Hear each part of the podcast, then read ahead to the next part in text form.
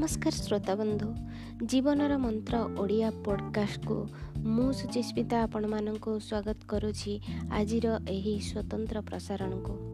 ଆଜି ବିଶ୍ୱ ରେଡ଼ିଓ ଦିବସ ଉପଲକ୍ଷେ ମୁଁ କିଛି କହିବାକୁ ଯାଉଛି ଆପଣମାନଙ୍କୁ। ଜାତିସଂଘ ଆନୁକୂଲ୍ୟରେ ଦୁଇହଜାର ବାରରୁ ପ୍ରତିବର୍ଷ ଫେବୃଆରୀ ମାସ ତେର ତାରିଖରେ ପାଳନ କରାଯାଉଛି ଏହି ବିଶ୍ୱ ରେଡ଼ିଓ ଦିବସ। ଏହି ଅବସରରେ ରେଡ଼ିଓ ଟ୍ରାନ୍ସମିଶନ ସମ୍ପର୍କରେ କିଛି ଜଣା ଅଜଣା କଥା ଆପଣମାନଙ୍କୁ ଜଣାଇ ଦିଆଯାଉଛି।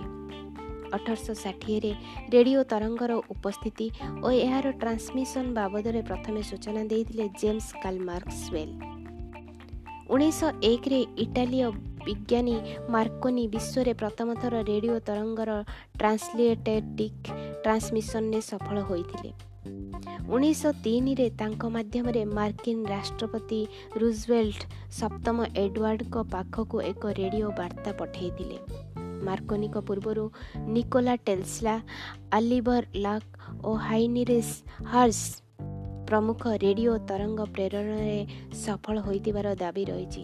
ତେବେ ମାର୍କୋନିକୁ ଏହାର ଶ୍ରେୟ ଦିଆଯାଏ ଏବଂ ଏଥିପାଇଁ ଉଣେଇଶହ ନଅରେ ତାଙ୍କୁ ନୋବେଲ ପୁରସ୍କାର ମଧ୍ୟ ମିଳିଥିଲା।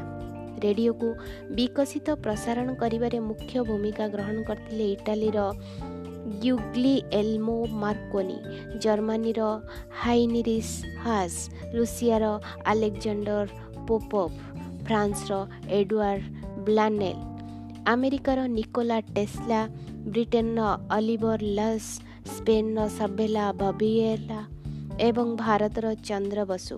ମାର୍କୋନିଙ୍କ ଏକ ପରିଚୟ ହେଉଛି ସେ ବିଶ୍ୱ ସ୍ୱାରା ନିର୍ମାତା ଜେମ୍ସନ୍ ଆଇରିସ୍ ହ୍ୱିସ୍କିର ପ୍ରତିଷ୍ଠାତା ଜନ୍ ଜେମ୍ସନ୍ଙ୍କ ବଂଶଧାରା ବ୍ରାଡକାଷ୍ଟିଂ ଶବ୍ଦ ମୂଳତଃ ଏକ କୃଷିଜ ପରିଭାଷା। ଏଥିରେ ବିହନର ବିକ୍ଷିପ୍ତିକରଣକୁ ବ୍ରଡକାଷ୍ଟିଂ କୁହାଯାଏ। ଉଣେଇଶହ ବାଇଶରୁ ଉଣେଇଶହ ଏକସ୍ତରୀ ପର୍ଯ୍ୟନ୍ତ ୟୁନାଇଟେଡ୍ କିଙ୍ଗଡମ୍ରେ ବିନା ଲାଇସେନ୍ସରେ ରେଡ଼ିଓ ବ୍ୟବହାର ଦଣ୍ଡନୀୟ ଅପରାଧ ଥିଲା। ଟେଲିଭିଜନର ଲୋକପ୍ରିୟତା ବୃଦ୍ଧି ଓ ଜୋରଦାର ଉପସ୍ଥିତି ସତ୍ତ୍ୱେ ରେଡ଼ିଓର ବ୍ୟବହାର ବନ୍ଦ ହୋଇନାହିଁ।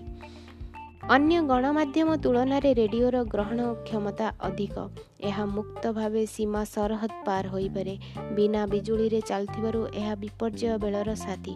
ମୋବାଇଲ ଟେଲିଭିଜନ ଇଣ୍ଟରନେଟ୍ ଯେଉଁଠି କାମ କରି ନପାରିବ ସେଠାରେ ରେଡ଼ିଓ ମାଧ୍ୟମରେ ଯୋଗାଯୋଗ ସମ୍ଭବ। ତେଣୁ ଆଜିକାଲି ଅଗମ୍ୟ ଅଞ୍ଚଳରେ କମ୍ୟୁନିଟି ରେଡ଼ିଓ ସ୍ଥାପନକୁ ଗୁରୁତ୍ୱ ଦିଆଯାଉଛି। ତ ଆଶା କରୁଛି ଆଜିର ଏହି ସ୍ୱତନ୍ତ୍ର ପ୍ରସାରଣଟି ଆପଣଙ୍କୁ ନିଶ୍ଚିନ୍ତ ରୂପେ ମନକୁ ପାଇଥିବ। ତ ଏଇଠି ମୋର ଆଜିର ପ୍ରସାରଣକୁ ଶେଷ କରୁଛି। ନମସ୍କାର। ଜୟ ହିନ୍ଦ।